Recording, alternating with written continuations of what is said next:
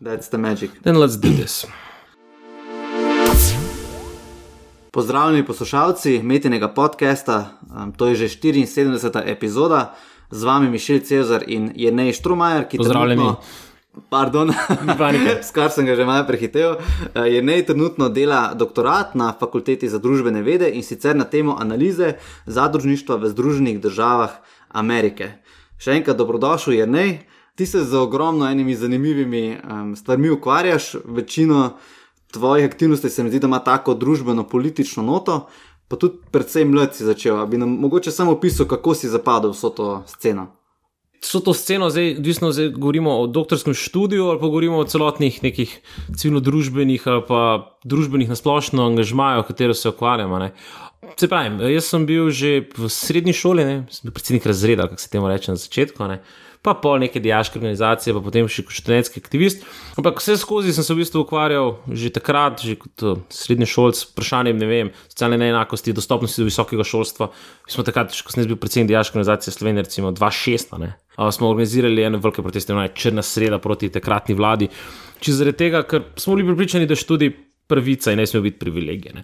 In vse te v bistvu neke aktivnosti, vse do tega, kar ne vem, zdaj delam v državnem zboru, pa hkrati sem še občinski svetnik v rodnih slovenskih konicah, so v bistvu povezane z nekim civilno-družbeno angažmajem, družbeno-ekonomskim sistemom, v katerem se nahajamo, ravnovesjih, razmerij znotraj njega. In evo, tukaj sem, zdaj se pogovarjamo o mojem doktorskem študiju, ki je v bistvu prišel čist iz tega nekega um, angažiranja na področju socialnega podjetništva, zadružništva, ekonomske demokracije.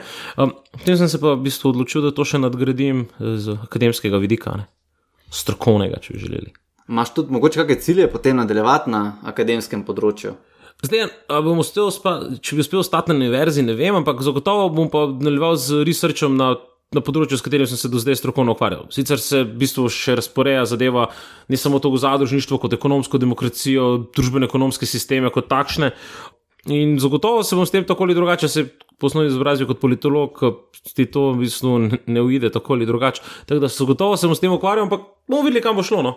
Uh, Do zdaj se v bistvu zelo dobro počutim v pogovorih uh, na temo ekonomske demokracije, zadružništva. Mislim, da se o tem Sloveniji drastično premalo pogovarjamo, ogromno potencijala tu vidim, uh, o tem govorijo tudi kolegi v Evropi. To je zelo močna točka, na kateri bi lahko več naredili. Tako da upam, da bomo uspeli kaj premakniti v pravo smer. Torej, če se prav spomnim, nekako te Združene države Amerike so nekako neka, neka nit, ki se je nekako držiš, bi lahko mogoče o tem kaj več povedal. Ja, Jaz sem v bistvu na koncu prve bolonske stopnje imel to srečo, da sem, mislim, srečo, malo že podnarekovaj, da sem bil neplačen pripravnik. Zdaj te- tega k sreči ni več, ampak zelo super izkušnja ta neplačen pripravnik je ena taka ne bolečina, ampak neka taka stvar, ki res se ne bi smela dogajati. No, ampak tudi jaz sem imel to izkušnjo. Ampak je bila vrhunska izkušnja, bistvu samega dela. Jaz sem takrat delal kot intern na slovenskem veleposlaništvu v Washingtonu. Ogromno nekih znanja, izkušenj, v bistvu tudi zelo dobro socialno mrežo sem si uspel zgraditi tam s kolegi iz demokratske stranke, pa na think tankih in podobno. In že takrat je v bistvu to raziskovanje, primerjava, v bistvu ljudje v Sloveniji imajo v ZDA zelo slabo predstavo. Ne? Mogoče malo preveč gledajo televizije, pa malo premalo razumejo, kako tam stvari potekajo. In sem v bistvu na podlagi tega začel pisati diplomo, ki je bila primerjalna z ZDA, potem še masters, ki sem šel eno specifično policy točko. Orožje, ki ful ne maram orožje, ampak je bila pa ta fascinacija z drugimi medmajem in pravico do nošenja orožja mi je bila Zabavno, jaz sem se v bistvu na to poglobil čist zaradi tega, ker sem želel malo bolj spoznati, oziroma malo bolj predstaviti, kako uh, ZDA kot federacija v bistvu delujejo. No. Uh, in pa na doktoratu pa sem zajadral v na eni strani v zadružništvu, v drugi strani pa v zadružništvu ZDA. Zdaj veliko ljudi te čukasto pogleda, ko to rečeš, a to sploh obstaja. Uh, pa ga pa popraviš, pa mu poveš, da je v bistvu v zadrugah, ko delaš GDP-ja, večji faktor kot Sloveniji, zadružništvo v ZDA da je po številu zaposlenih, eh, v relativnih številkah, seveda, eh, večji faktor eh, zadružništva v ZDA kot v Sloveniji. In da pač to nekaj, kar prihaja k nam z zahoda, ne? oziroma ki je prišlo k nam z zahoda, to ni neka posocialistična mantra ali pa nek real socializem iz Svetske zveze. Ljudje tega ne razumejo. Zato je tako veselje v bistvu do študija zadružništva v ZDA, čisto zaradi tega primerjalnega vidika, ne? da ljudje vidijo, da to je neka zahodna fora, če tako rečemo, ne pa neki preživet vzhodnoevropski model. Se pravi, bil si pripravnik, potem si bil tudi Fulbrightov um, gostujoči raziskovalec. Drži. Se pravi, spomnim, si bil v Madison, Wisconsinu. Ja, to, jaz, eh, cheeseheads, go, go Badgers. ne. Ja, jaz sem imel to srečo, da sem v bistvu bil na prvo glasbeno željo, ko sem je danes seznam za Fulbright. Uh, Sprati imaš tam tri fakultete, vsi hitro napišejo, kakšne Harvarde, pa Princeton, to, ko vidijo na televiziji. Mislim pa kot prvo željo dal Wisconsin Madison. Uh, zakaj Wisconsin Madison? Uh, zato, ker ima v bistvu najboljši center za zadružništvo v ZDA, to je sicer vrhunska izobraževalna inštitucija, flagship, Public Ivy. Uh, In sem v bistvu tam preživel res 9 super mesecev v odličnem akademskem okolju, z super pogoji za delo, ki so v bistvu, glede na sam, že samo kampus, pa kako imajo infrastrukturo vzpostavljeno, res se lahko poglobiš študijo. No. Tam sem uspel, na srečo, velik del doktorata napisati, zdaj upam, da bomo čim prej to sprovedli čez organe univerze. Ampak je, je zagotovo vrhunska izkušnja, no. ta Fulbright program res ne morem prehvatno. Preko si povedal, da zagotovo je težko imeti neko realnejšo sliko o neki državi, pri kateri izveš večino stvari preko domačih medijev. Bi mogoče pri, priporočal, recimo, kakšne medije ali pa kakšen način, da si človek ustvari mogoče malo bolj realno sliko Združenih držav Amerike. Veš kaj, prvo treba razumeti. Ne? Prvo treba razumeti, da ZDA, ne? to je tako, kot rečeš Evropo. Zdaj, mi poznamo Evropo. Zdaj, če greš na Brač, pa spoznaš enega Dalmatinca, starega čičota, on je Evropejc. Če greš pa v Helsinke, ne, pa še tam eno študenta sreča, ne, pa tudi on je Evropejc, ne, pa živite na različnih planetih skoraj. Ne, zelo mešano na žaro. No. In tako kot je Evropa, zelo raznolika, različne kulture, okay, veliko bolj e-, etnično raznolika in podobno, tudi ZDA, v bistvu so si zvezdne države med sabo zelo različne. Ljudje, mesto podeželje je zelo različni, uh, seveda isto multikulti kot kjerkoli drugje. Ampak je treba iti tja, no, da vidiš v bistvu to razliko. Če New York niso Združene države Amerike, samo Madison, Wisconsin, niti cel Wisconsin niso, velike, je tudi mihurček, ta bubble, ne, teh bubble je v Ameriki zelo velika, ne, ampak imam občutek, da tudi v Sloveniji dobivamo ta bubble za ne, neki urbano proti podeželju, ne, tudi, tudi na volitvah velikrat vidimo, kako se glasovi delijo. Tako da, kaj bi priporočil? Uf, jaz zelo rad berem Vox po Huffington Post, no, ampak to je zdaj z vidika neke liberalnih, progresivnih medijev, ki kažejo to odprto stran ZDA. Ne. Máš pa en kup drugih strani, ki so tudi zabavne za spremljati, ampak bi jih odsvetoval, ker nisi moš imeti dobro prebavo, no, da lahko to pregotnaš. Um, jaz recimo, sem čisto na ključu zvedel samo za recimo, eno zadrugo, sam sem bolj športni navdušenec uh -huh. in poznam za ta uh, Recreation Equipment International oziroma REI. REI. Ampak recimo na njihovi spletni strani sploh na veliko ne oglašuje recimo to, da so zadruga. Pa me zanima, oziroma vsaj za me ni bilo to očitno. Pa me zanima, kakšno je, kakšno je dojemanje javnosti kot take zadrug v Sloveniji, če primerjaš to z ZDA. REI, recimo, jaz, jaz sem se prav ukvarjal z REI v doktoratu. Ne? REI je en največjih retailerjev, Svoje, oni so potrošniška zadruga in skrbijo za svojega potrošnika. Zdaj, ti imaš več tipov zadrug. Da ne bomo preveč uh, zajadrili v tem doktoratu, imaš od delovskih zadrug, kjer so v bistvu zaposleni v podjetju, so lastniki podjetja. In s tem preko demokratičnih metod, skladu z zadružnimi načeli, en član in glas, itd., itd., uh, izvršujejo upravljanje podjetja. Imaš pa potrošniške zadruge, kjer so zaposleni zaposleni, Lastniki tega so pa, eh, so pa člani zadrug, ki so potrošniki. Recimo, REI recimo vsako leto svojim članom na kartico del dobička prenakaže. Ti, ti, ti si neposredno udeležen v dobičkonosnost podjetja, hkrati pa imaš glasovalno pravico na bordu. Torej, ti lahko so imenuješ člane uprave. Sicer REI daleč od tega, da bi bil popoln. REI ima recimo zaposleni se pritožujejo, da imajo slabše pogoje, kot bi si jih lahko imeli, imajo pa še vedno boljše pogoje, kot jih imajo v drugih retailerjih. REI je že 18 let, 19 let, ne vem, na, na leto natančno držati, med najboljšimi eh, zaposlovalci po Fortune Magazine. Tako da ta, ta kultura sodelovanja, povezovanja se zagotovo vidi. Zdaj, co-op, recimo, to je Friendly Neighborhood Co-op, je ponovadi neka organik trgovina, ki ni ta ogromen mastodont ali Walmart, ampak nudi neko lokalno specifiko, oziroma neko, zapolnjuje neko tržno verzelno in je lahko zapolnjuje ali na področju avtotaksi storitev, tako Madison, Wisconsin, ali na področju dobave športne opreme, kot dela to REI.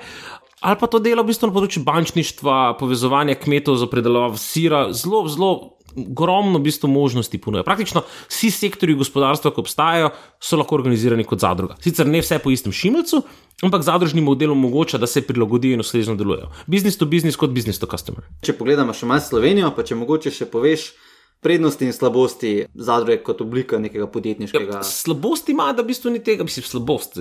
To podnarekovaje. Ni, ni, ni prepoznavna do te mere, da bi bil nek splošen angažma, zdaj imamo ta startup culture, se nam je kar začel razvijati, ne pa pač te tradicionalne kapitalistične podjetja, jaz bom pa zdaj podjetnik ali pa obrtnik, tega imamo veliko. Zdaj, tega zadružne žilice pa v bistvu in smo jo izgubili. Pozabili smo, da to še obstaja, to smo zreducirali na te kmetijske zadruge. In ko pa v bistvu ne, malo ljudi pa je gledalo out of the box, da bi to lahko tudi bilo ali delovno intenzivni panogah, da je to bila, bila alternativna oblika privatizacije, da je to lahko alternativna oblika umika iz gospodarske družbe, če se lastnik umakne. Da lahko na zadružnem modelu, o tem je bilo sicer malo več govora v zadnjih letih, od mednarodnega leta zadružništva naprej, da lahko recimo zdravo jedro podjetij se preoblikuje preko delovskega odkupa v zdravo podjetje. Teh idej, poskusov je v zadnjih letih bilo več. Žal ni toliko uspešnih, kot bi si želeli. Recimo klasičen primer je Adria Airways Technica, ne? kjer so zaposleni praktično že zbrali denar in bi lahko odkupili podjetje, ampak se SDH odločil, da raje to proda uh, polskemu konkurentu in zdaj imamo probleme z tem, ker delodajalec oziroma lastnik mešetari pa, del, pa izvaja mobbing, pa imajo delovci večje težave. Ne? Potrošniške zadruge, ne? mi imamo en kup retaila, mi smo ena redkih EU držav, ki nima ene velike potrošniške zadruge. Ne? V Italiji kop normalno deluje, v Španiji Eroski normalno deluje, Cooperative trgovina v Veliki Britaniji normalno deluje. Ne? Nemčija ima ogromno teh po Raiffeisenu podedovanih uh, kreditnih zadrug, mi, mi tega nimamo, mi smo, uh, mi, smo, mi smo tu izgubili eno veliko razvojno priložnost, ampak potencial za to pa še vedno obstaja. Ne? Če pogledamo, kje smo mi po indikatorjih, primerjavi z drugimi v Evropi, imamo full lufta še za rast. Kaj nas bremza, po domače povedano? A je to, da ljudje enostavno te možnosti ne poznamo, ali je zakonodaja spet oboje? Oboje, zdaj te prve dve, ko si rekel, oboje. Zdaj, malo je tudi ta socialistična samopravna preteklost pustila nek zgodovinski spomin, ki je iznekažen, se pravi, delovsko samopravljanje s temeljnim marksizma, ne, če imamo nazaj v jugoslovanski model na podlagi družbene lastnine. Pa zdaj to mešanje z zadrugami, ki so pa čisto zaseb, zasebne pravne narave, ni, ni tu država neposredni solastnik, oziroma ni to družba vsi vsega, ne? ampak gre se za konkretne člane, ki imajo plačan kapital, skladružni delež. Ne? In ta nerazumevanje tega, ta naš preno, prehod iz prejšnjega režima v, v kapitalizem, če želiš, ne, je pač bil narejen na način, da so nekateri zelo bogateli, nekateri so dobili pa ne, nekoristne certifikate. Ne. Zdaj sem, sem bil razčasljiv, da obstajali so ljudje, ki so prišli vem, leta 90-91, pa so razlagali, da ne id v kapitalsko smer razdelitve družbenega položaja, id v zadružni model. Ampak seveda takratna politika za to ni imela, uh, ni imela posluha, zgubljena priložnost. Kot alternativna privatizacija je to še vedno nekaj, kar bi se lahko, ampak teh podjetij je vedno manj. Je pa tudi tukaj potencial za rast, več potencial za rast na področju povezovanja potrošnikov, potencial za rast na področju samoorganiziranja, samo pomoči. Je pa res, da za to rabiš ti usposobiti ljudi, ljudje morajo vedeti, zakaj se gre. Zdaj, tega ne mi naprej. UW Madison, Wisconsin ima predmet zadružništva na fakulteti, lahko ga imaš, lahko ga imaš, če študiraš trženje ali pa ekonomijo, recimo. Dejansko univerza tega ne nudi. Ne? Imamo, vse sicer se odpira na področju socialnega podjetništva in tako naprej, ampak to so počasni koraki, ampak upam, da bomo čim prej malo bolj hitro stopili v pravo smer. Je to recimo ena oblika podjetniškega organiziranja, ki mlade zanima v Ameriki? 2-8, pa v času Occupy Wall Street, je to bila ena točka, v kateri so se aktivisti lahko poenotili. Spravi, delovsko samoupravljanje, delovsko vsištvo zadruge so bile ena točka, kjer je Occupy Wall Street prišel do skupnega imenovalca. Ne. Če pogledamo en Madison, Wisconsin, Progressive Bubble, študentsko mesto, ne, so mladi definitivno temu naklonjeni. Čisto kot fun fact. Ne. Pa zdaj, sicer to ni zadruga, ampak edina NFL ekipa, ne, edina ekipa v ameriškem nogometu, ki ni v lasti korporacije ali pa nekega zasebnega lastnika, so Green Bay Packers iz Upstate Wisconsin. Ne? Kaj pa je zanimivo, prej oni so sicer delniško družbo, ampak razpršeno lastništvo, spaj imajo delnice v več deset tisoč ljudi. Ampak kaj pa je zanimivo, ravno zaradi tega, ker imajo razpršeno lastništvo in je to res lokalna podpora. Ne? In to res je crowdfundano, če želiš, ne? se niso preselili iz Green Bay. In Green Bay je najmanjši media market, ne? to je majhno, majhen kraj, manjši od Ljubljana. Ampak njihova NFL ekipa pa tam ostaja in ima razprodan stadion, zato ker imaš to lokalno pripadnost. Zdaj, če pa ljudje ostali brez futbol kluba in bi se tako Oakland Raiders ali pa kdo mal selili po Ameriki. Ne? V osnovi, ja, jaz mislim, da potencial za to obstaja, je pa res, da je treba narediti na informiranju in pa na vzvodih. Ne? Ti rabiš mehanizme, da lahko to vzpostaviš. Mislim, da kolegi, ki se trudijo vzpostaviti stanovanske zadruge, slenjene da to je z modeli financiranja, to, kot da se z Marsovci na banki pogovarjaš. Ne? Pač ne razumejo, ni modelov, ni možno.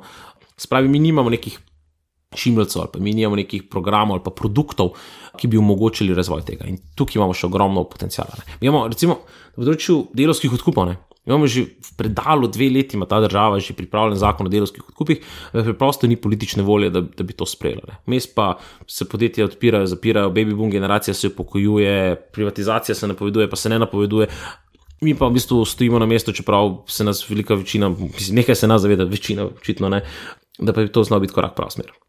Če nas mogoče še malo razsvetliš z določenimi rezultati ali pa vidiki tvoje doktorske naloge, recimo, ko se ti zdijo zanimivi, pa bi jih rad, recimo, tako na kratko predstavil.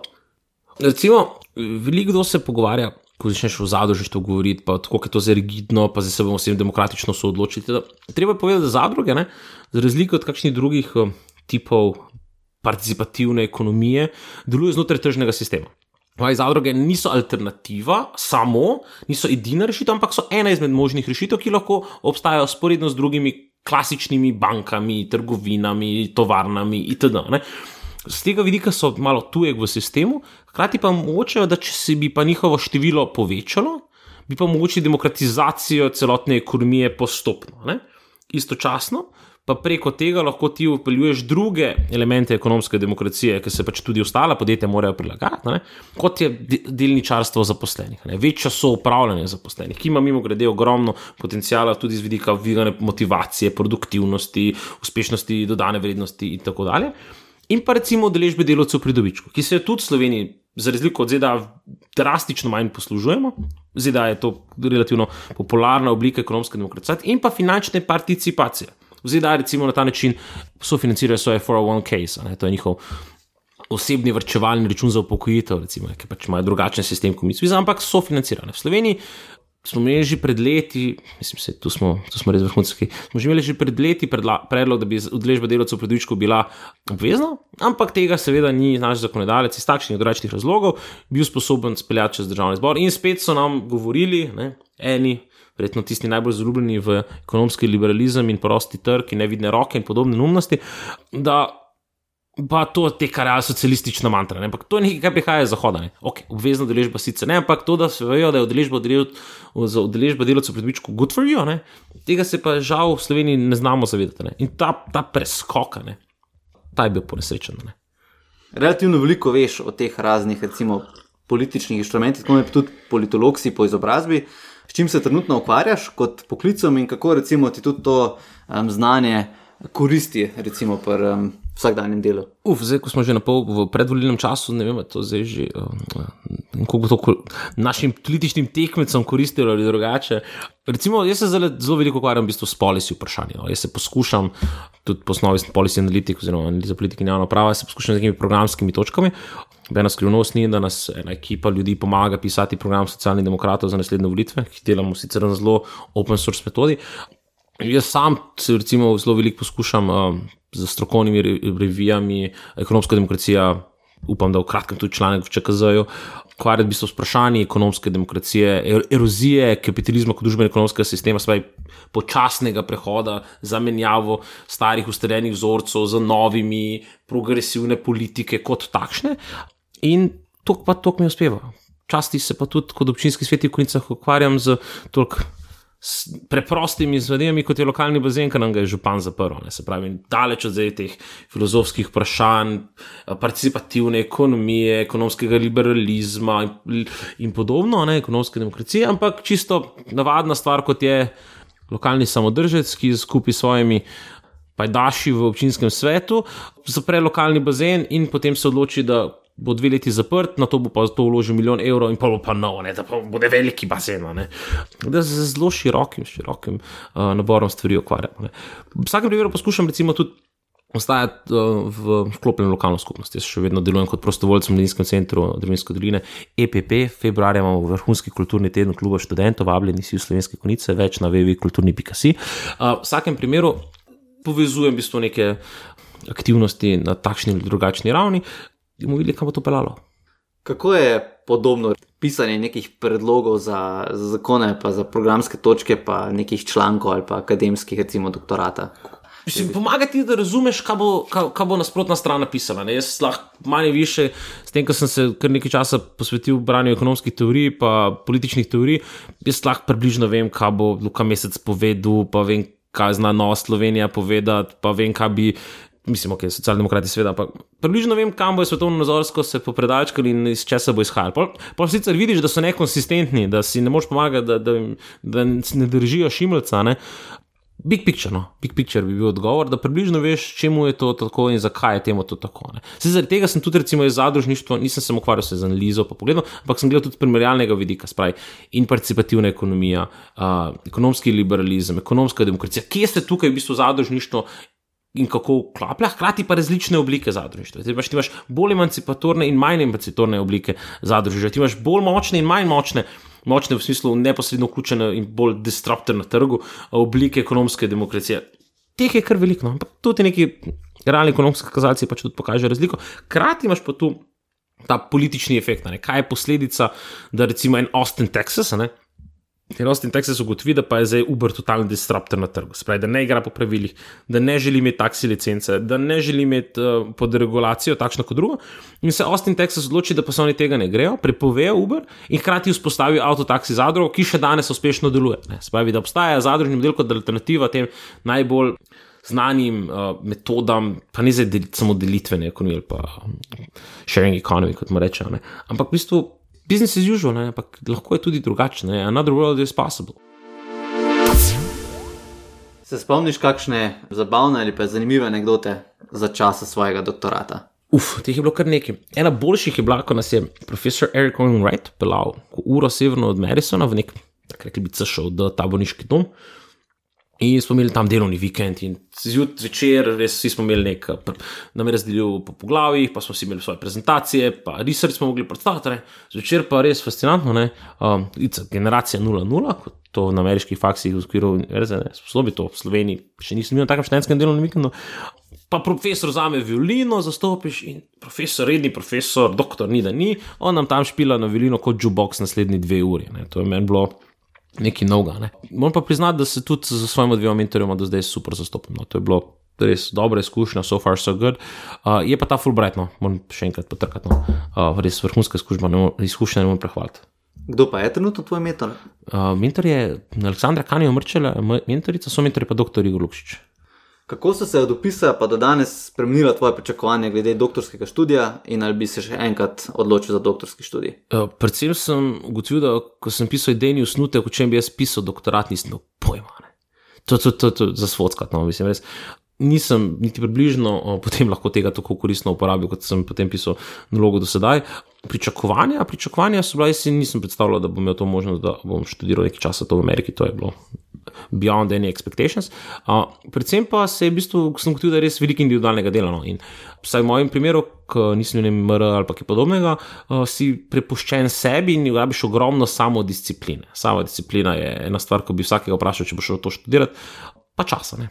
Samodisciplina in čas, in uh, to mi je na sreči do zdaj uspevalo, zdaj pa, dok še bo pa trajalo, pa upam, da bomo videli.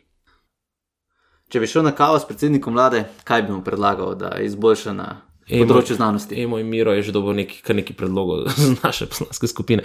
Na področju znanosti. Več morajo, več morajo. Mi moramo obrniti piramido na, na, na naši priljubljeni univerzi. Več, več mladih ljudi, ki vejo, da niso zdaj prišli, zdaj pa mrl in bom delal na univerzi do konca. Ne. Jaz sem recimo, moj profesor Ida Blemeresen, imel mene kot visiting researcher, pisne še tri, štiri druge študente, asistence. Ampak oni niso zdaj bili tam zato, da bo zdaj pognali korenini na univerzi, pa da bodo vedno na univerzi. Oni so prišli tja, so študirali, hkrati so potem to znanje, ki so ga pridobili v času doktorske študije, lahko tako ali drugače upili na trgu, nevladnih organizacijah, različnih projektih in so vedeli, da to samo začasno. Ne? Vse da nekaj ostane, univerzi, ampak mislim, da bi mogli piramido mi na Ljubljanski univerzi res zašpičiti na vrhu in razširiti spodaj. No? In to bi, to bi mu predlagal, pa če bi res imel kdaj nekako naftno vrtino, da najdemo kaj tasga. En študentski kampus bi, bi, bi spremenil način študija drastično. Da, za začetek bi lahko zaključili projekt Vojkov, ki pač čaka in tabla je še enkrat bila nabita, pa pol niso nič naredila. Ne, ne samo infrastruktura, se pravi tudi več sveže krvi na univerzi. Kje se vidiš čez, čez pet pa, ali pa čez 40 let? Recimo, ti en izmed um, vsaj redkih politologov, ki jih jaz poznam, ki se ukvarja profesionalno na tem področju, na katerem so um, študirali, tudi, tudi trenutno. Zdaj sklepam, koliko vas je, recimo, ko imate to srečo, da, tudi, da ste ostali na tem področju.